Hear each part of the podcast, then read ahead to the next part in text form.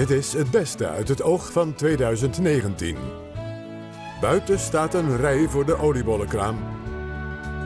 Binnen zit Mieke van der Wij.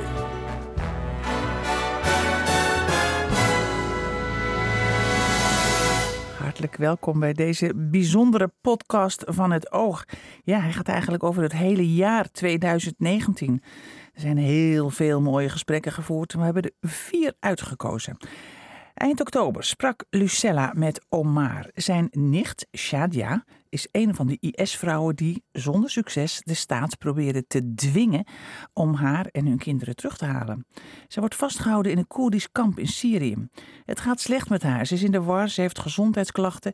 En Omar vertelde over haar situatie en over zijn pogingen die hij heeft gedaan om te voorkomen dat zijn nichtje zou uitreizen. Ik vind het heel jammer inderdaad. Uh, dat stukje is eigenlijk nooit verteld uh, aan onze Nederlandse burgers, naar mijn medeburgers. Uh, dat wij in de tijden van radicalisering hadden we het heel erg moeilijk. We hebben aan de bel getrokken. we hebben aan verschillende instellingen gegeven van jongens, alsjeblieft help ons. we lopen tegen dingen aan. Ehm, we hebben hulp nodig, want we zien dat onze dochter, onze nicht, aan het radicaliseren is. Er zijn toen een aantal gesprekken geweest, bijvoorbeeld met de buurtrecherche. de IVD heeft een aantal gesprekken met ons gevoerd. De gemeente Amsterdam heeft een uh, gesprek met ons gevoerd. En uiteindelijk is ze toch kunnen uitreizen naar de eerste keer. Want jullie uh, hebben zelfs gebeld op een gegeven moment ook toen ze al onderweg naar Schiphol was of daar misschien al was? Dat was de tweede keer. Tweede keer, ja, want uh, ze is twee keer gegaan. Ja, Shadia is een van de eerste uh, uitreizigers, maar ze is ook de eerste die is teruggekomen. Dat is heel bijzonder. En uh, de overheid heeft in die tijd uh, ons niet gesteund daarin. Uh, er is geen zorg geweest rondom haar terugkomst. voor de achterblijvers is er ook helemaal niks geregeld daarvoor. en ze heeft daardoor een tweede keer kunnen uitreizen. Um, de IVD wist ervan, de gemeente wist ervan, iedereen wist ervan. En we hebben ook gewoon geprobeerd om met, met de overheid te werken daarmee. Uh, maar helaas, uh, dat is niet gelukt. En ze is voor de tweede keer toch kunnen uitreizen. Want wat was het argument dat u steeds hoorde? Want zij had ook, ook psychische, psychische problemen. problemen. Mijn nichtje was heel erg ziek. Of heeft psychische, psychische problemen. Inderdaad. En zij is in de handen van die beesten, zo noem ik ze, de ronselaars, is zij kunnen gevallen. Maar er zijn heel veel die loverboys, er zijn, zijn onze kinderen. onze samenleving die zit eenmaal zo. Um, en we hebben gezegd, jongens, help ons. We hebben aangifte gedaan als normale burger. Dat heb ik altijd geleerd op school. Als wat gebeurt, loop de politie toe en doe je aangifte. Uh, en dan hoop je dat er een soort uh, zaak op gang komt. Um, haar antwoord, het antwoord van de politie, van de recherche en de IVD was... op dit moment uh, is er geen gevaar voor zichzelf en ook niet voor de derde. Dus we kunnen haar niet vasthouden. En ze heeft een psychische uh, achtergrond. Uh, de, de GGD, Mentrum, wist dat van haar. Ja, want ze leed onder andere aan psychose. Psychose. Ze heeft ook vastgezeten in de instelling. Dus dat is een medisch dossier. We hebben dus ook naar de gemeente Amsterdam gevraagd... jongens, hou haar alsjeblieft binnen. Is gewoon veel veiliger. Um, we zijn gefaald. De Nederlandse overheid, alle instellingen wisten helemaal niet van informatie. En, uh, de U bedoelt dus niet gedeeld, die informatie? In mijn gevoel, niemand wist waar het over ging. Nee. Uh, want we moesten iedere keer hetzelfde verhaal moesten vertellen. Er was, er was niet één persoon. En, de, en, en bizarre daarvan is dat, dat zij um, bij de tweede keer, toen wij de paspoort hadden afgepakt, uh, de tijd was acht maanden tussen de eerste uitreis en de tweede, kon ze doodleuk gewoon een ID-kaart aanvragen bij de gemeente Amsterdam. Dan vraag ik me mezelf af van, IVD, jullie wisten hiervan. Waarom geven jullie geen signalering, signalering daaraan? Van jongens, dit is een gevaar. Ze mag niet uitreizen. U, u, de familie heeft wel, begreep ik, inmiddels excuses gehad van burgemeester klopt, Halsma. Klopt, bedoel, ja. zij was natuurlijk niet destijds burgemeester, nee. maar zij heeft wel gezegd, we hebben fouten gemaakt. Ja, we hebben inderdaad, um, nogmaals, het stukje verhaal van de achterblijvers is nooit echt in beeld geweest. Verschillende factoren. Schaamte, um, niet, uh, niet kunnen, verbaal niet heel sterk zijn, uh, wantrouwend. En we hebben toen gezegd van de enige uh, manier om, om, om dit op te lossen, is om aan ons ons kikkerlandje, onze burgers, dit ander stukje verhaal te vertellen. Van jongens, het is niet zo zwart-wit. We hebben, ze echt tegen, we hebben ons niet echt geprobeerd tegen te houden. We hebben alles gedaan. We waren machteloos. Wij leiden tot dag van vandaag leiden wij daaraan.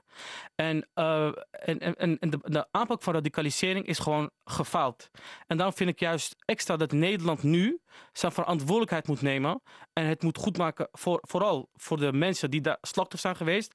Naar de Yazidis, naar de Koerden, naar iedereen die kapot is gemaakt. Maar ook hier uh, naar de achterblijvers.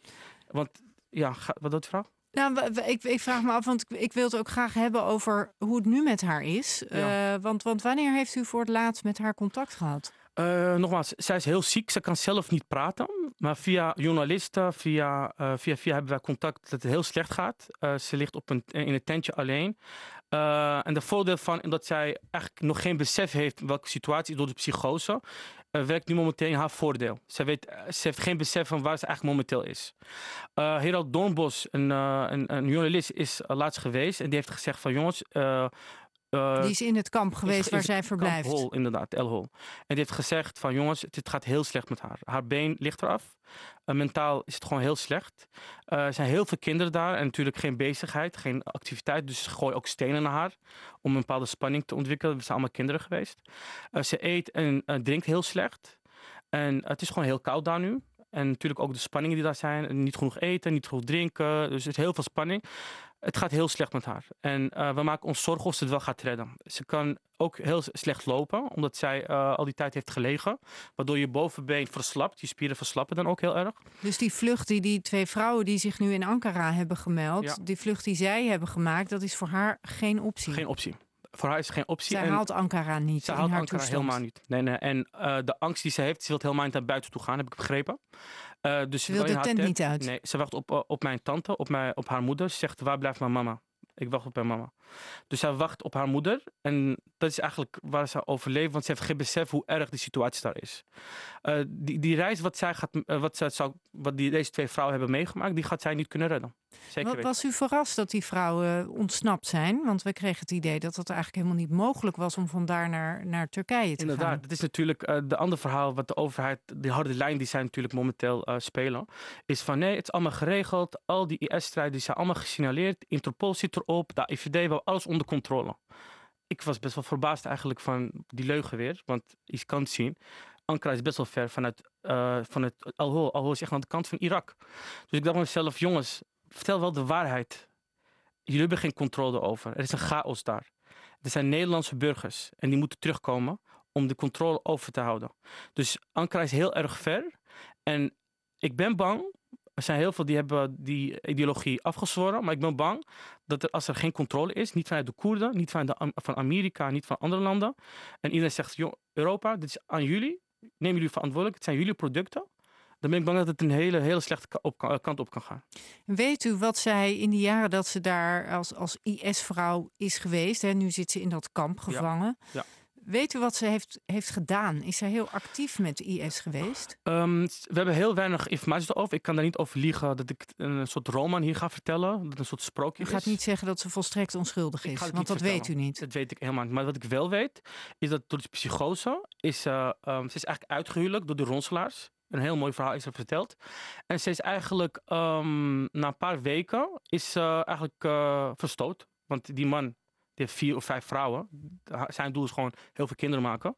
En zo'n ziek persoon die psychoses heeft, ja, daar, daar zit hij niet op te wachten. Dus ze heeft eigenlijk al die tijd eigenlijk ook in een soort vrouwkampen gezeten van die IS. En ze heeft eigenlijk zitten overleven.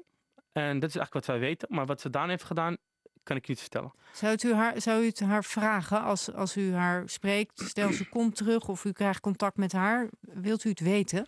Het belangrijkste is um, dat ze weer beter wordt. Dat is belangrijk voor ons.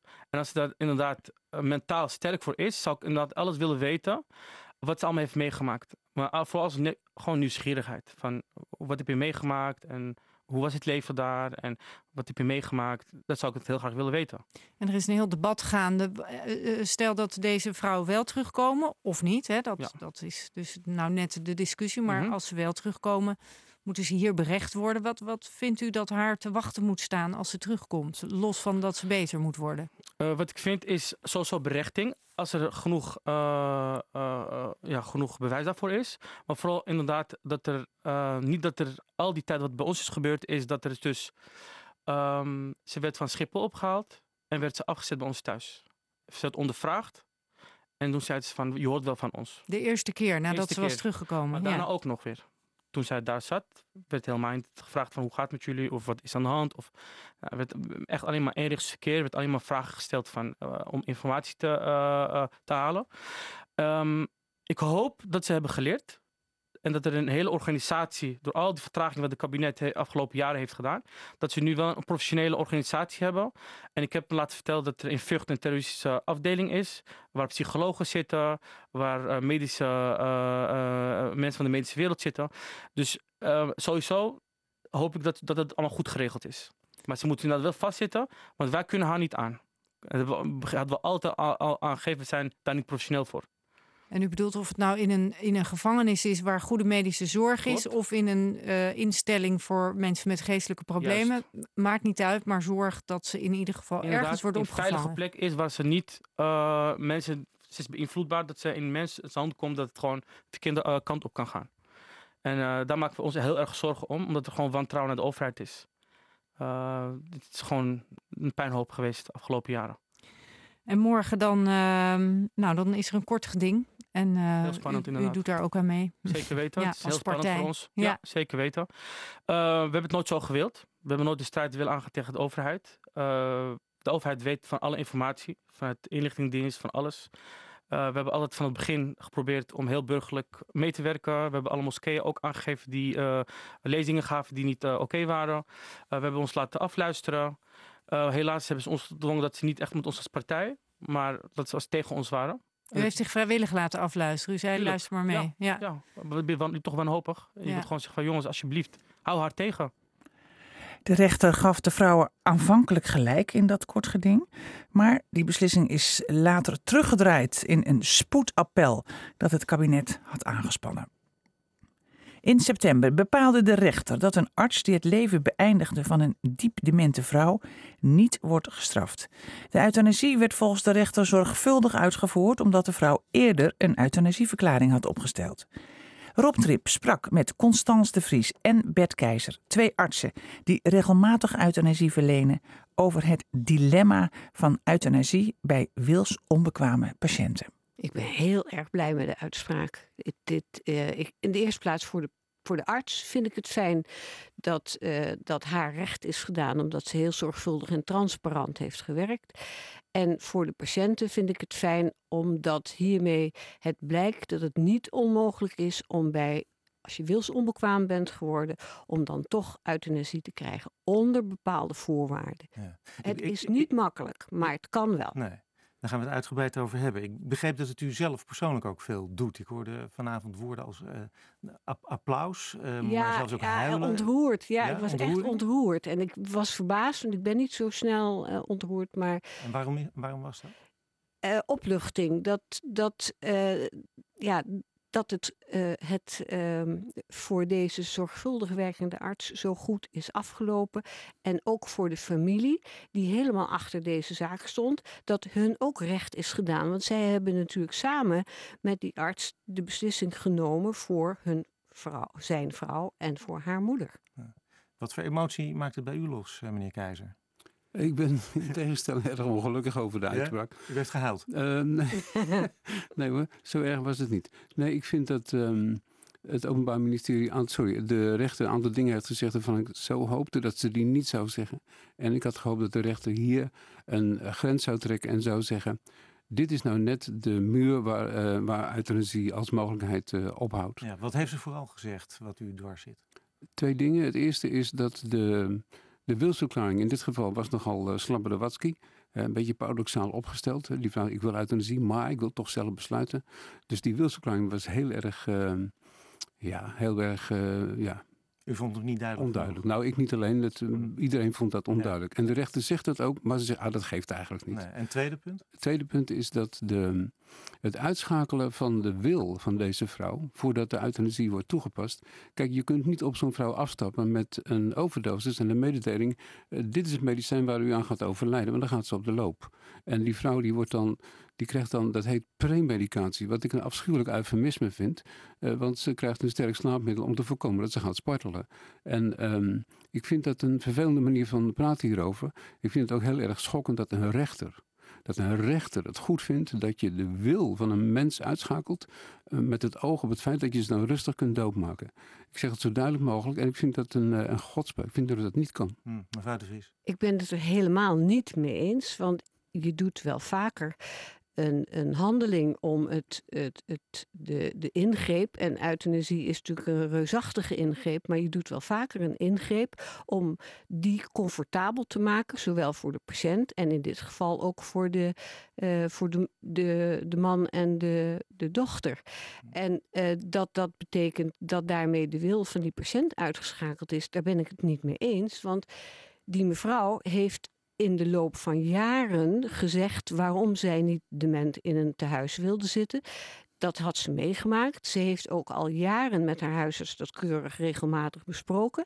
Dus het is niet op dat moment dat zij ineens zou besluiten: nee, nou toch maar niet. Dat kan ze niet meer, want is, we hebben haar tot wils onbekwaam verklaard. En daarmee betekent dat een deel van haar autonomie bij man en dochter is terechtgekomen. Ja. Meneer Keizer, de rechter heeft het nog veel scherper eigenlijk gezegd. Die heeft gezegd, ja, die verklaring is gewoon voldoende punt uit. Ja. Dit is precies wat de wet eigenlijk bedoelde. Uh, ja, en dat vind ik toch al een bouwde uitspraak, omdat die verklaring zo, zoals ik al zei, zo slordig is. En heel maar, erg... maar zelfs als hij minder slordig zou zijn geweest, als je naar deze rechter luistert, die zegt als er zo'n verklaring is, stel dat die wat duidelijker dan ook misschien was geweest, dan is dat toch wat de wet bedoelt. Dan is die daar. En als je dan dement bent, dan kan een arts daarop teruggrijpen. Ja, daar vind ik een hele ongelukkige uitspraak. Want kijk, wat mensen doen als ze zo'n wilsverklaring invullen, ze zeggen: als ik het niet meer kan willen, dan wil ik het. Mhm. Ja, sorry, maar zo, zo werkt het niet. Dus ik vind dat een. ehm, ik heb altijd de wilsverklaring een bananenschil gevonden waar de juristen geen probleem mee hebben, maar waar de dokters natuurlijk wel een probleem Dus mee u hebben. voelt eigenlijk helemaal niet voor dit systeem? Dat je een wilsverklaring hebt en dat je daarin opschrijft van als ik dement ben in een verpleeghuis ben, dan wil ik euthanasie hebben. Dat, dat hele systeem vindt u niet goed. Mijn devies is, eh, zolang je kunt zeggen, heb je die verklaring, eh, heb je hem niet nodig. En als je niet kunt zeggen, dan krijg je geen euthanasie. Nou, die verklaring is een gevolg van een, een, een weloverwogen besluit bij helder verstand. En die moet je volgen. En dat die juridisch misschien niet helemaal zo mooi is als wij hem zouden willen, dat, dat vind ik normaal, want wij zijn geen juristen en de patiënt is geen jurist. Dus dat deze wilsverklaring geïnterpreteerd is als de wens van de patiënt, dat snap ik helemaal. En ik ben heel blij dat de rechter dat ook zo uh, beoordeeld heeft. Ja, maar het is een oude wens. Dit is het probleem. Nee, Kijk, die, die, die mevrouw heeft dat jarenlang Nee, heeft die nee, dat nee, gezegd uit ervaring met, uit, met dementie, wil, niet willend in een verpleeghuis. En dan eh, uiteindelijk hoef je aan zo iemand niet meer te gaan vragen: wil je dit nu echt? Want dat beseft Nee, ze dat, niet eh, meer. dat vindt de rechter ook. En ik vind dat van niet. Ik vind dat je eh, dat besluit dat over jaren is gegroeid, dat besluit is helemaal niet meer aanwezig in deze vrouw. Want als dat besluit nog aanwezig is in deze vrouw, op het moment dat ik op haar afstand met de overdosis, dan hoef ik haar helemaal niet eerst in slaap te brengen om te voorkomen dat ze wegrent. Nou, maar ze je- rent maar- niet, die mevrouw rent niet weg. Die, Hmm. die, die, die, zit in een bed of die wordt vast. Maar los die- daarvan, en je kunt natuurlijk nooit meer bij iemand die dement is, lijkt mij dan nagaan of ze dat nog steeds vindt. Nou, dit is de kunt- Ja, maar dat kan je ook niet nagaan, want je hebt samen besloten dat deze mevrouw Ja. voorbij haar wil is en je respecteert haar als persoon zoals zij vroeger was. Ik ben geen ander persoon Nee, dan. dat is voorbij. Nee, kijk, de moeilijkheid is, en deze arts is in dat opzicht heel erg consequent. Ze heeft ook gezegd tijdens de, bij de toetsingscommissie, niet, niet nu voor de rechter, als de mevrouw in kwestie halverwege de toediening had geroepen, maar ik wil helemaal niet dood, dan, zocht, dan toch zou ik daar niet naar geluisterd hebben, want ze is niet wil, wilsbekwaam. En, ik, en dat vind ik wel een consequentie waarvan ik zeg, mensen, mensen, dit kan niet zo. Nou, ik denk dat je dan misschien had kunnen zeggen: we breken de procedure af en we praten erover en we gaan een morgen of volgende week weer verder. Mag ik nog wat anders vragen? Ja. Ik begrijp vandaag dat het geval van deze mevrouw, zo'n soort geval, dat gebeurt eigenlijk maar een aantal keren per jaar. Ja, het is Ja, heel Niet- zeldzaam. het is zeldzaam. Ja, het- ik denk twee, drie keer per jaar dat zo'n situatie zich voordoet. En bijvoorbeeld bij, bij ons als expertisecentrum euthanasie hebben wij... We bestaan vanaf 2012, is tot 2000, half 2015 dit niet voorgekomen. Met name omdat er geen goede wilsverklaring was. Of omdat de patiënt op het moment dat de euthanasie gewenst zou kunnen zijn. Omdat ze in die situatie beland was die ze nooit had gewild. Omdat ze toen niet ondraaglijk leed. Ja, dat is nog wel een belangrijk punt, denk ik. Want veel mensen die het nieuws vandaag natuurlijk volgen, die denken, dan is er een verklaring, dan heb ik zo'n verklaring gemaakt. Daar staat dan in, ik wil, als ik in een verpleeghuis ben, dement, dan wil ik euthanasie hebben. dat is op zich niet voldoende. Nee, het, je, geen dokter gaat een patiënt een, een injectie geven of een drankje geven die nog heel tevreden in de stoel zit en een babytje knuffelt. En ik moet, moet sterk denken aan de, de, de documentaire van vorig jaar over mevrouw Machteld Versnel dat is een treurige geschiedenis. Zo, die mevrouw wist het niet meer en die had dat nooit gewild. Dat weten wij allemaal. Hm. En dat is ook wat, wat kinderen zeggen. Dit heeft moeder nooit gewild. Ja, maar, nee, maar als moeder tevreden is, ben ik daar ook tevreden nee, maar, mee. Maar, maar, nog even terug naar die vraag van... dus wat, wat, wat is er dan nodig om wel euthanasie te kunnen krijgen? Wat is dan ondraaglijk lijden? Uh, dat ondraaglijk lijden, dat, ik vind dat je dat bij een demente vrouw, ook bij deze vrouw... dat je dat goed kunt inschatten. En wat is, het niet, dan? Wat, is het dan? Deze vrouw was wanhopig. Ze was altijd aan het zwerven. Ze kwam uit bed s'nachts. Ze was angstig. Ze vocht met medebewoners. Ze vocht met personeel. Ze was waarschijnlijk, ik, dat heb ik niet gehoord, maar dat is vaak het geval, laat zich niet schoonmaken. Ze is dubbel incontinent, ze verliest plassen en ze verliest ontlasting. Zo'n vrouw moet verschoond worden, dat, dat, neemt ze niet. Ze gaat slaan met de zuster. Die vrouw die was echt, uh, daar was iedereen het over eens. Ik ook. Die was mhm. een doodongelukkige vrouw. En uit het feit dat het dus zo weinig voorkomt dat er euthanasie bij uh, diep demente mensen voorkomt, moet ik opmaken dat het voor heel veel andere mensen die dement zijn nu in Nederland, dat dit soort omstandigheden zich dan niet voordoen. Nou ja, nu begint het gemieten. Dit is het lastige. Je hebt in elk verpleeghuis heb je wel heb je wel een paar van die mensen. Ja, daarom vraag ik het juist. Nou, kijk, nu, en daarom, daarom vind ik de uitspraak zo ongelukkig. Um, nu is er een, um, een soort nieuwe druk gekomen en niet op ons zozeer in het expertisecentrum euthanasie, wel in de specialist ouderengeneeskunde in de verpleeghuizen. Omdat nu de rechter heeft gezegd, ja, het kan gewoon. Maar en, ik, ik, en ik denk dat het aandringen, het aandringen op euthanasie hè, bij die wanhopige dementen, hè, waarvan we ook allemaal zeggen, ik ook hoor, hè, dat die ongelukkig zijn. Het aandringen zal toenemen. En ik, uh, ik heb een beetje, ik heb te doen met mijn collega's in verpleeghuizen waar ik niet meer werk, maar die, uh, die gaan tegemoet getreden worden met een nieuw soort uh, ja, dwang vanuit de familieleven. Wat denkt u mevrouw maar ik, ik denk dat patiënten en hun familie recht hebben om dat goed na te kijken. En je kunt niet zeggen, mevrouw, deze of mevrouw krijgt geen euthanasie omdat zij wils onbekwaam is geworden. Nee, dat heeft nog steeds, als er ondraaglijk lijden is, reden om dat goed na te kijken. En mijn ervaring is dat als, als dat toch blijkt niet te kunnen, omdat er bijvoorbeeld een, een, een slechte wilsverklaring is of geen wilsverklaring, niet voldoende over gesproken is in het verleden, of er is geen duidelijk ondraaglijk lijden, dan gaat het niet door en dan accepteert de familie dat ook als je dat maar goed hebt nagekeken. Maar je kunt het nu niet meer met, eh, ja, het klinkt een beetje raar, met een dooddoener. Hè? Dooddoener, nee, we doen het niet. Dat, dat moet je nu onderzoeken. En ja, ik vind dat de patiënt en zijn familie daar recht op heeft. En dat kan dus soms wel goed uitpakken. En nou was uw, zal ik maar zeggen, levenseinde kliniek overigens opmerkelijk. U denkt er heel erg verschillend over, maar u bent er allebei bij verbonden. Hè? Nou, ik moet wel even iets zeggen. Ik, ik heb natuurlijk ook te maken met euthanasie bij dementie. En de lat ligt bij mij extreem laag. Als je het met een half woord kunt zeggen, dan ben ik al over de brug. Omdat ik weet wat een rotziekte het is. Dus ik ben nou niet iemand die continu staat te breken van... oh, ze moeten het echt in drie talen heel erg duidelijk zeggen bij dag en bij nacht. U, bent kritisch, u bent hyperkritisch op wat de rechter vandaag heeft gezegd. En dan kom ik straks misschien bij de levenseinde kliniek, zoals die vroeger heette. Bij wie kom ik dan eigenlijk terecht? Uh, kom nou, ik dan bij meneer Keizer of bij mevrouw de Vries? Nee, wij, nee. Wij, of mag ik kiezen? Je mag, nee, je mag niet. Nee, je, ja. Er zijn artsen die bijvoorbeeld, om het nu uit het, uit het schema van de dementie te trekken, er zijn artsen die zeggen: ik doe nooit een euthanasie bij iemand met een psychiatrisch ziektebeeld. Dat vind ik te ingewikkeld. Je kunt ook artsen zeggen die zeggen: Ik doe geen euthanasie bij de wils omkwamen. Dat vind ik te ingewikkeld, of dat kan ik niet met mijn geweten uh, rijmen. Wel, dan zijn er bij ons andere artsen die wel euthanasie doen bij een psychiatrisch patiënt en wel euthanasie doen bij een wils omkwamen patiënt. En binnen de levenseindkliniek wordt dat gewoon uitgezocht. Ja, nou, ik vraag het ook een beetje, omdat de kliniek was in het nieuws, nog heel recent, uh, omdat ze meer verzoeken krijgen. En toen was het idee van, ja, dat komt toch omdat huisartsen en andere artsen een beetje terughoudend zijn. Dus ja, dat is, is nu natuurlijk de vraag van, gaat u het bij die kliniek minder druk krijgen de komende tijd? Um, Om, na deze uitspraak van de rechter. Ik weet niet wat ik daarop moet zeggen. Het is wel zo binnen de levenseinde kliniek of de, de, onze expertisecentrum euthanasie.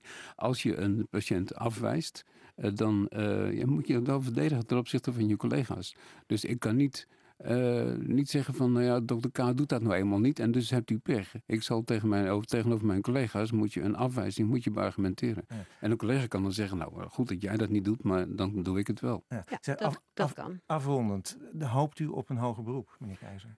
Uh, daar wil ik twee dingen over zeggen. Het is een ramp voor die arts, dat zegt iedereen. En zij, uh, zij, voor haar is het een martelgang. En voor haar is deze vrijspraak een hoogst ongelukkige ontwikkeling. Ze had veel beter schuldig bevonden kunnen worden. Want dan had het OM niet meer zoveel kunnen doen. Nu zal het OM bijna zeker uh, omhoog gaan. En dat is. En dat vindt u een goede zaak? Ik vind het een goede raad. Ik vind dat het bij de Hoge Raad terecht moet komen. En dat we dan. dan krijgen de uitspraak waar we allemaal naar zoeken. Maar Jacob Koonstam heeft vanavond ook bij Nieuwsuur gezegd... Daar, moet een, daar bestaat een route voor zonder dat die dokter continu in die rechtszaal moet gaan zitten. De Hoge Raad moet sowieso er iets over zeggen. En je zou het eigenlijk via Maar ik zou dus kunnen ja, een Nu mevrouw de Vries tot slot hoopt. Ik, ik hoop zeker niet op een hoger beroep. Ik vind dat het hiermee afgedaan is. En ik verwacht ook niet dat dat bij deze ingewikkelde problematiek uh, iets, ik, ik veel kan verwachten van dat soort uitspraken. Laat het nou maar fijn bij, uh, bij zoals het nu is. In de herfst verschenen de biografieën van twee Nederlandse voetbaliconen. Auke Kok schreef een vuistdikke biografie over Johan Cruijff. En Bart Jongman schreef mee aan een boek over Piet Keizer. Keizer en Cruijff, het koningskoppel in de gouden jaren van Ajax in de jaren 60 en 70. En daarom nodigden wij de schrijvers ook samen uit. Kees Grimbergen sprak met ze. We gaan naar de karakters, de mannen die mannen die uh, ergens rond het uh, pleintje in Amsterdam-Oost, Transvaalplein, elkaar al ontmoeten terwijl ze vier jaar in leeftijd verschillen. Ik ga naar Bart als eerste ja. eventjes. De familie van Johan Cruijff en zijn stichting wilde niet meewerken aan de biografie die jij schreef, Auke. Maar Bart, aan jouw biografie, aan jullie biografie, wilde de familie Keizer wel meewerken. Ja, de Keizer Foundation heeft wel meegewerkt, ja. De Keizer Foundation ja. hey, Dat maakt het werken makkelijker of misschien zelfs toch moeilijker. Omdat je met een familie te maken heeft, die ook zijn belangen heeft. Ja, nou ja, dat doet het allebei. Um, het heeft het uh, moeilijker gemaakt toen wij uh, erachter kwamen dat de vader van Piet Keizer een, uh, een oorlogsverleden had. Die had bij de NSB gezeten en was ook nog lid geweest van de Landwacht, de paramilitaire hulporganisatie van de bezetter. Um, en ja, daar was de, de, de erven keizer waren daar niet zo gelukkig mee. Is dat enkelvoud of meervoud erven? De erven meervoud. Meervoud, ja. ja. Uh, die waren er niet gelukkig mee. En uh, dat, dat werd wel een kwestie, wat, wat doen we daarmee? Uh, wij, dus tijdens het schrijven kwam je in een soort onderhandelingssituatie ja. met de familie Keizer ja. over dat deel, ja. belangrijk. Ja. Oh, ja, omdat wij deel. ook dachten daarmee een, een sleutel tot het uh, karakter van Piet Keizer te, te, te, hebben gevonden. Omdat hij gesloten was, was van publiciteit. En nou ja, dat was dus te verklaren met het, het meedragen van een geheim, want hij sprak er met niemand over, niet met vrienden, niet met ploeggenoten. Niet met zijn beste vriend bij Ajax, Sauer Muller, die zelf een, een, uh, een, een akelig oorlogsverleden heeft. Dus dat, dat Muller verloor zijn eigen ouders. Eigen ouders, ja. Zat zelf ondergedoken. Uh, dus dat, uh, ja, dat is wel een discussie geweest. Wat doen we daarmee? En dat, ja, dat is dan een kwestie van geven en nemen. Het goede daarvan is dan weer wel dat het uh, door die samenwerking het ons ook wel heeft behoed voor een een, een, blinde vlek. Want ja, wat ik zei, wij dachten daarmee een sleutel te hebben gevonden. Maar dat is maar zeer de vraag. Uh, mensen die we erover spraken, die uh, met enige kennis van zaken, van keizer en van het oorlogsverleden zeiden, ja, het, het zat in keizer zelf. Zo waren de keizers dus heel erg gesloten. het gesloten, ja. het, uh, ja. het een beetje de, de vreemde vogel, ja. die, die door velen vele zien in keizer een vreemde, niet te, niet te grijpen vogel. Ja ja, ja. en dat, dat, dat is dus des keizers kennelijk. In ieder geval uh, en dat is het met die kanttekening ook wel in het boek gekomen. Dus nou ja, goed. Nou, je, het mooie, ik heb, ik heb beide boeken verslonden. Uh, giga gelezen. Het is bij elkaar geloof ik 800, 900 pagina's. Hm. En ik zal je zweren dat ik ze niet alle 900 heb gelezen, maar wel 800 vandaag. Uh, het mooie van die beschrijving van uh, het geheim dat in de familie Keizer leeft, vader mm. en zoon praten er nooit over, informeert mij als lezer toch zeer over karakterontwikkeling. Want als je als zoon met je vader niet mag spreken over zo'n belangrijk feit uit de Tweede Wereldoorlog, ja. dan doet dat iets met je. Ja, ja, maar... Dat heb ik eruit gehaald als lezer. Nou ja, je haalt er niet uit dat, dat vader uh, met zoon heeft afgesproken dat uh, uh, te verzwijgen dat hebben we niet kunnen achterhalen. Het, feit is wel dat Pieter nooit over heeft gesproken. En dat, ja, dat heeft misschien ook mee te maken dat hij in de oorlog is geboren. Dus ook niet echt uh, mee te maken heeft gehad. Maar hij zal vast, er is wel in de stad over gesproken. Dat heeft wel rondgezoomd. En dus, omdat het ligt ook rond de velden. Ja fascinerend deel in ieder geval van dat boek. Uh, nou, zullen we dan toch maar doorgaan? Jij kreeg alle medewerking, ook een kok van. Uh, of al, jij kreeg alle medewerking niet. niet dus ja. jij die medewerking dus juist niet. Ook niet van de Cruyff Foundation. Zullen we eens naar de band van de twee mannen gaan? Ik begon dus met dat plein, Transvaalplein. Ja. Uh, ze hebben daar samen gevoetbald. Wonderlijk, hè? Want? Nou, wonderlijk. Dus ze schelen vier jaar. Ja, maar... Dus Johan is tien, woont in een andere wijk in Betondorp. En in Transvaal op Transvaalplein hebben ze samen gebald. Ja. Dat is toch ongelooflijk? Ja, maar Piet, Piet was al even, we, we spreken maar even van uh, Piet en uh, Johan. Uh, ja. Piet was als, als een oudere broer voor Johan in, in voetbalopzicht meer dan de eigenlijke oudere broer van Johan. Althans wat voetballen betreft. En op een heel jonge leeftijd al ja, voelde de nerveuze, nagelbijtende, nou ja, bijna, bijna ADHD-achtige Johan, jo Jopie op de club geheten, zich juist aangetrokken tot die veel rustiger, vaak zelfs wat zwijgzame Pietje. En dat was een soort yin, yin en yang. En, uh, en dat daar, ik, ik heb het echt, uh, ik weet niet hoe dat bij jouw onderzoek was, eh, Bart, maar die, die, die relatie die zich dan in hun tienerjaren ontwikkelt, dat is op het symbiotisch af. Die, die, die gaan, hè, Piet leerde, hè, want Jopie, hè, Johan had, die hem ontbeerde vaak de kracht om goed te trappen want hij was mager en, en et cetera. Klein voor zijn leeftijd ook nog. Dat, dat Piet heeft hem geleerd om zo te trappen dat het weinig kracht kost. Dat zie je ook op oude beelden van Cruijff. Die een beetje als, zoals Federer tennist. Dus uh, met, met soepelheid en, en timing kun je heel veel kracht geven als je niet sterk bent. En dat heeft Johan in, in belangrijke mate van uh, Piet geleerd. Ja, Piet vond dat, dat Johan te veel met zijn benen trapte. Hij moest leren om meer met zijn hele lichaam te dus trappen. Om door de bal te, te, te, te, zwaaien, als het ware. En, dat is, en dan zie je ook ik heb beelden gezien, die zijn ook verder niet openbaar. Dan zie je een corner nemen, hè, hoe, hoe simpel kan het zijn. En dan zie je dat hij gewoon met zijn hele lichaam loskomt van de grond en door die bal zwiept. En dat is, dat is in zichzelf eigenlijk ballet. Het, dansen, het dansen van Cruijff. Ja, zoals God, Godfried Bomans, ik meen in, twee, in 72, die prachtige eh, beginalinea heeft van het interview. Dat het wel lijkt alsof de zwaartekracht op hem geen uh, greep heeft. Dat hij als een ballerina over dat veld. Hij, hij, hij landt ook altijd keurig, zoals nu iedereen bijna, op zijn voorvoet. En dan heb je dus zo min mogelijk wrijving met de grond. Mm. En dat gaf hem iets balletachtigs. Even naar die, uh, die band dan verder. Uh, was er sprake van echte vriendschap? Er was dus een symbiotische kant door dat voetbal. Ja. Ik heb een scène gelezen, dan uh, schelen dus nog een keer, nogmaals vier jaar. Ja. Piet Keizer heeft dan een Solex. Ja. Johan nog niet, die mag misschien niet eens. 15, 15 of zo. Uh, hij adoreert, dan, dan lees ik eventjes pagina 76 in het boek van Auke Kok. Hij adoreerde keizers laconieke instelling die hij zelf miste, dat zei net. Startpunt van de vriendschap moet een qua jonge streek van Johan zijn geweest. Als Pietje aan het trainen was met het eerste team, had Jopie, even één vraag, van wie is de naam Jopie? Johan. Jo, maar wie heeft, wie heeft ja, bedacht? Weet, weet ik niet. Dat okay. Kleine zeiden ze ook. Kleine. Kleine. Als Pietje aan het trainen was met eerste team, had Jopie diens bromfiets een Solex wel eens gepakt en er rondjes mee om de meer gereden. En enkele keer stond Keizer dan na de trainer, training te vloeken naast een Solex waar geen druppel benzine meer in zat. Op een dag werd Johan betrapt en vanaf dat moment trokken ze vaak samen op. Twee in Amsterdam-Oost geboren, beetje afwijkende types, beide afwisselend verlegen en brutaal. Stugge rokers ook, van wie toen al? Ja. Toen al. Stugge rokers ook van wie de een zijn omstanders de oren van het hoofd gletste, terwijl de ander, Piet dus, minutenlang ondoorgrondelijk kon zwijgen. Piet leerde junior Johan de bal meer snelheid mee te geven en hij waakte als een oudere broer over hem. Ja, dat is wel een goede zin eigenlijk, hè? Hele goede zin, ja. Komt te lezen ook. Ja, ja. Sorry dat ik het zeg. nee, voordat we nu iets te uh, veel gaan lauweren. Ja. Um, nou, mag best hoor. Nee, maar uh, die vriendschap, die, wat, vond, wat vonden deze mannen bij elkaar? Want die vriendschap is, heeft ook heel veel knauwen gekregen. Er is...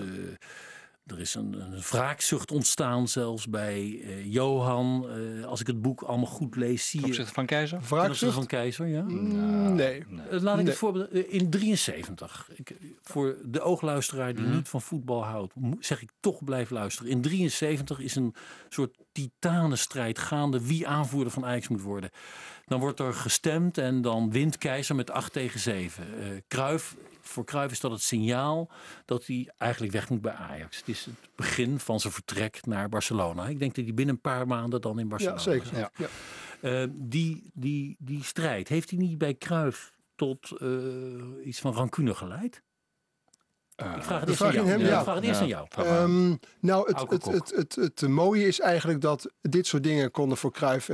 Cruijff kon, was radicaal eigenlijk in alles wat hij deed. Zwart-wit. Ja.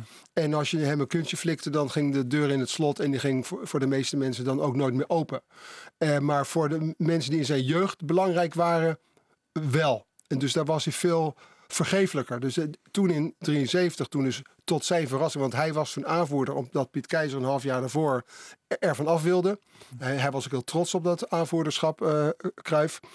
Was voor hem een, een, verrassing dat ze toen tijdens dat uh, spelershotel in de zomer, dat Piet ineens zei, ik wil toch weer aanvoerder voor worden, laten we erover stemmen. Dus toen, maar dat voelde als een dolksteek. Dat was een dolksteek in zijn rug, was het eigenlijk ook. En, maar hij, dat is toch betrekkelijk snel weer weggeëpt. Althans, het, het heeft de, vriend, de, vriendschap niet overdoen gaan, maar wel bekoeld. Heeft Bart Jongman daar een aanvulling op? Nou ja, een dolksteek suggereert alsof het een, een, een, conflict tussen die twee personen is geweest. Terwijl het, nee. het hele team, uh, tenminste ja. het groot deel van het team, vond dat Johan te veel met zichzelf bezig was. En ook het aanvoederschap gebruikte voor zijn uh, commerciële doeleinden. Ja. Om er zelf beter van te worden. En Piet is altijd iemand geweest die uh, het, het, sociale belang voorop stelde. En dus ook het teambelang. Dus om, om die reden niet, niet om zichzelf weer op de voorgrond te willen plaatsen, heeft zichzelf weer uh, in aanmerking voor uh, het aanvoederschap uh, geworpen. Ja. Mag ik eens naar het levenseinde van beide mannen gaan? Dat ontroert zeer in beide boeken. ze hebben contact met elkaar. Heel bijzonder is dat Johan Cruijff met Keizer belt. Ja. Hoe lang voor zijn overlijden? Vrij kort volgens mij. Ja, vlak voor zijn overlijden, ja. ja en, Wat betekende dat voor Piet Keizer? Ja, heel veel. Um, Angela, de vriendin van Piet, vertelde dat het een van de weinige keren is dat ze hem heeft zien huilen. Hij was echt gebroken. Hij heeft toen ook wel gezegd, toen bij hem niet lang daarna kanker werd uh, vastgesteld, longkanker. Beide mannen hadden longkanker. Beide mannen hadden longkanker. En dat hij daar niet een, een, wedstrijd van ging maken zoals, zoals Johan, die op een gegeven moment zei dat hij met 2-0 voor stond. En uh, vrij snel die wedstrijd verloor. Dus uh, ja, Piet was daar eerder een fatalist in. En dat, dat zegt ook iets over het verschil tussen die twee personen, denk ik. Ja. En dat zie je ook in het levenseinde zelf. Ja. Piet Keizer? Ja, Piet Keizer heeft uh, euthanasie laten plegen. Die heeft uh, zijn eigen levenseinde moment van, van sterven uh, gekozen. En Johan Cruijff ook? Die heeft, die heeft het heel lang, heeft hij de, het, zoals hij eigenlijk al, alles als een wedstrijd zag, zag hij dat, hè, die metafoor van ik sta er met 2-0, et cetera, heeft het, het heel lang, een, de, altijd keek hij nog zijn er nog mogelijkheden. En dat deed hij ook in deze strijd. Heeft hij heel lang nog volgehouden totdat hij inzag dat hij, dat hij toch deze, zijn, uh, de strijd van het leven toch ging verliezen. Ja. En, uh, en wat, wat, dat, dat, dat, dat Johan contact opnam met Piet, ondanks alles. Hè, want enkele jaren daarvoor waren ze, ook weer ruzie waren ze tijdens die zogenaamde fluwele revolutie. Die, die, die, die helemaal niet van fluweel was, waar Cruijff ook weer radicaal was. En het Keizer zei, nou, rustig aan, laten we ook in gesprek blijven met anderen, et cetera. Toen heeft Keizer gezegd, uh, Johan, als je op deze manier, dit is mijn stijl niet, dit is me veel te grof. Ga jij maar op jouw manier verder, ik haak af. En dat was voor Cruijff, nou ja, dan is het nu dus over. Dus toen was het weer een, echt een breuk. En het zegt dus eigenlijk alles over hun, hun jeugdrelatie. Die van altijd diep van binnen, waar hij geen afstand van wilde nemen. Dat hij uit eigener beweging Piet toen belde. Dat, dat was voor hem echt een heel zeldzaam gebaar. En dat tekent ook hun zeldzame levensband. Ja. Die levensband die wordt beschreven in, in dit boek. Tussen natuurlijk veel, veel meer gebeurtenissen door. Ik haal een citaat uit 65. Een wedstrijd DWS Ajax in het Olympisch Stadion. Cruijff verprutst een paar kansen. En dan lees ik, beide keren aaide Keizer hem over de bol. En ook anderszins gedroeg Piet zich in de wedstrijd als een oudere broer die bescherming bouwt. Ik vond het ja. zo'n mooie zin. Ja. Ergens uh, pagina 104. Ja, ja. ja. Jo Johan zocht altijd steun, mentale steun bij, bij oudere mensen. Die, he, want hij, heeft zijn vader op zeer jonge leeftijd verloren. Was echt een trauma. En, en Keizer was een van zijn belangrijkste steunpilaren.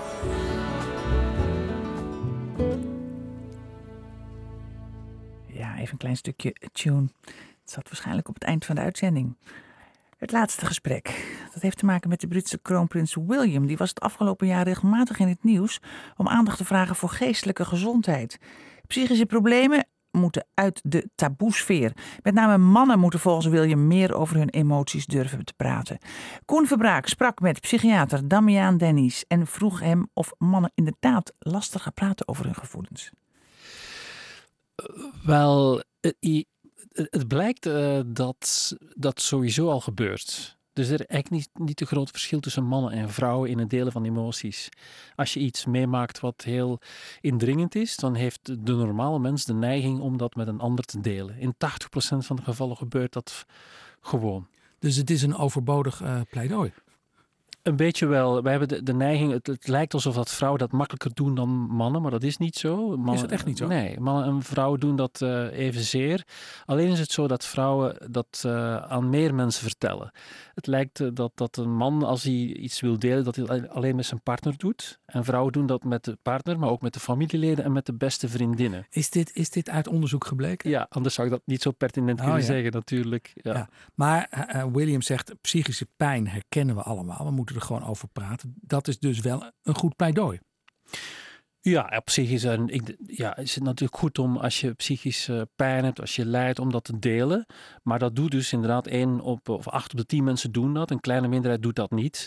Uh, en dat delen, dat is een, een, ja, een vanzelfsprekendheid. Ja. En is dat, wij denken altijd dat het helend werkt om over je lijden te spreken. Is dat zo?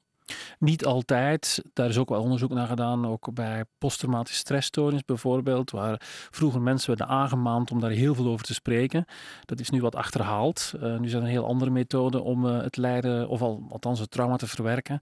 Juist afgeleid worden, uh, computergames spelen, dat is wat men actief doet. Dus, dus niet, niet aanraken? Ja, niet over spreken, maar gewoon afgeleid worden door iets helemaal anders te doen. Maar op lange termijn is het altijd wel gunstig om je emoties te delen. Dat, maar die kunnen, moeten niet alleen slechte zijn, het kunnen slechte en goede emoties zijn. Ja, wat, ik heb het gevoel dat we in een tijd leven dat mensen niks liever doen dan alles maar delen. Ja, dat, dat is dan wel weer een nadeel. Dus ik, als je vanuit therapeutisch oogpunt kijkt, zou je kunnen zeggen: het is gunstig om je emoties te delen. Maar als je kijkt naar de samenleving waar wij ons nu in bevinden, is dat wel een enorme sport geworden. En uh, dat delen, dat, dat wordt zoveel gedaan en op zo'n grote en massale schaal dat het bijna irritatie oproept. Want, want uh, zijn we daarmee ook uh, mentaal gezonder? Doordat we het meer, dat we het niet opkroppen en de hele dag maar alles aan anderen meedelen? Wel, dat lijkt niet zo, want we, zijn mentaal ongezonder. Ja? Je ziet dat, ja, het is een toename van mentale stoornissen nog altijd. Die, die is, dat ligt hoog.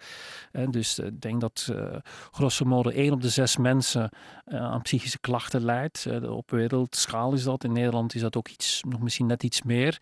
Um, mannen evenveel als vrouwen, wel op een andere manier, maar dus uh, evenveel mannen als vrouwen hebben last van die klachten. En dat is heel, heel hoog als je dat vergelijkt met uh, 20, 30, 40 jaar geleden. En blijft steeds toenemen. Uh, stress, burn-out, maar ook eenzaamheid zijn klachten die er maar bij komen. Dus er is een, een, een, ja, een gigantische toename van klachten. En we blijven steeds maar meer onze klachten delen. En ik denk dat dat delen met iets anders te maken heeft. Met een, een soort van tendens om um, erkenning te krijgen voor onszelf. Het lijkt alsof uh, wij in onze individualistische maatschappij nog altijd wel behoefte hebben om erkend te worden door de ander. En we erkennen ons niet meer door macht, prestige, want dat is, daar rust nu een taboe op, maar door het lijden. Dus die, die wat, ja, slachtoffercultuur, waar je openlijk eh, meedeelt dat je ook angstig bent en depressief bent geweest en een ziekte en kanker en zal sterven, dat, uh, dat krijgt veel meer positieve aandacht dan dat vroeger was. Daardoor word je gezien. Daardoor word je gezien en dat is een van de weinige methoden die we nog hebben om ons erkend te weten. Maar dan gaan mensen ook tegen elkaar opbieden natuurlijk. Hè? Eén keer kanker hebben is niks meer. Ja, dat zou een heel ongunstige evolutie zijn. Maar je ziet wel dat er een neiging bestaat, ook zeker bij bekende Nederlanders, om heel openlijk in de krant, in de media, uh, makkelijk te spreken over wat ze hebben meegemaakt. En ik vind dat we daar wel een grens van absurditeit hebben bereikt. Ja? Ja, ja ik vind dat het. Ziet u dat ook in uw, in uw spreekkamer? Uh, nee, want dat is de plek waar je het moet doen. Uh, in de intimiteit van een spreekkamer moet dat vallen. Dat is, daarom is dat beroep van een psychiater natuurlijk ook zo bijzonder, omdat je geconfronteerd wordt met dat uh, lijden dat altijd heel authentiek is. Maar in de krant, op social media, heeft het er kleeft ook iets anders aan. Iets van hier ben ik dan. Hè. Dus dat eh, narcisme uit zich niet in eh, grootheidsaspecten, maar nu in kleinheidsaspecten. En eh, dat is toch wel, dat voelt wel nog gemakkelijk. Ik vind dat het echte lijden heeft een zekere authenticiteit en dat doe je in een besloten kring, in een zekere vorm van intimiteit.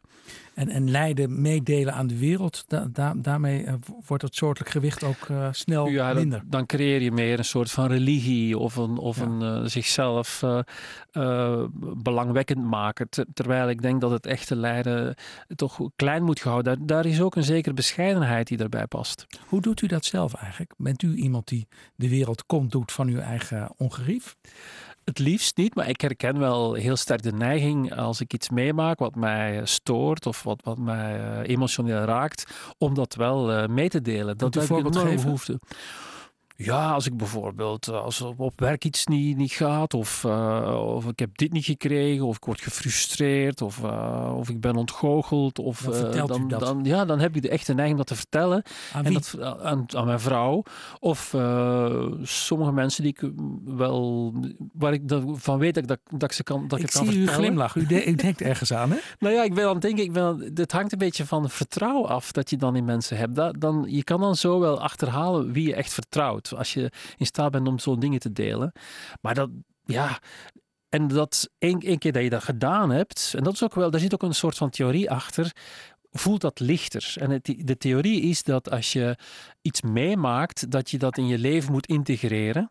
Maar je leven bestaat niet alleen uit jezelf. Je leven is eigenlijk een sociaal leven. Dat wordt gedeeld door anderen. En daar moet je het ook vertellen. Dus iets wordt echt pas verwerkt, gaat een deel uitmaken van je eigen leven op het moment dat het sociaal kenbaar maakt. Dus op een onbewoond eiland kom je niet van je problemen af? Nee, dat is, dat is niet zo heel prettig inderdaad. Ah, ja? ja, je kan altijd brieven schrijven, je kan ook aan een derde. Vandaar dat we al die flessen terugvinden met die brieven natuurlijk. Die, men doet dat omdat we het aan iemand willen richten. Ja. Ook een virtuele ander kan een ander zijn. Ja. Maar kortom, wat William zegt, mannen moeten meer emoties tonen. Dat is gewoon niet aan de orde. Uh, nee, ik denk dat dat veel zegt over William zelf, die natuurlijk in een hele aparte omgeving is opgegroeid. Uh, in Groot-Brittannië, die hebben al een heel bijzondere relatie met emoties, zou je kunnen zeggen. Daarnaast in een koningshuis, waar dat het waarschijnlijk ook niet echt de gewoonte is. Moeder verloren als jonge Moeder jongen. verloren uh, en in een hele, ja, lijkt toch heel stijve omgeving. Dus ik, ik kan mij dus niet van de indruk ontdoen dat William hier iets over zichzelf zegt, over zijn onvermogen uh, in zijn kleine omgeving om iets te kunnen delen. En dat er dus blijkbaar in zijn opvoeding heel weinig mensen waren die naar hem bereid waren te luisteren. Damian Denies, dank u wel voor uw heldere uitleg. Graag gedaan. Zie daar het belang van een goed gesprek. Nou, dit waren wat ons betreft vier van de mooiste gesprekken van het afgelopen jaar. Maar het was moeilijk kiezen hoor. Er waren er natuurlijk nog veel meer. Op naar een nieuw jaar met nog meer mooie gesprekken. En we hopen natuurlijk dat u, net als dit jaar, naar ons blijft luisteren. Wij gaan ons best doen. Alle goeds voor het nieuwe jaar en tot volgende week. Dag!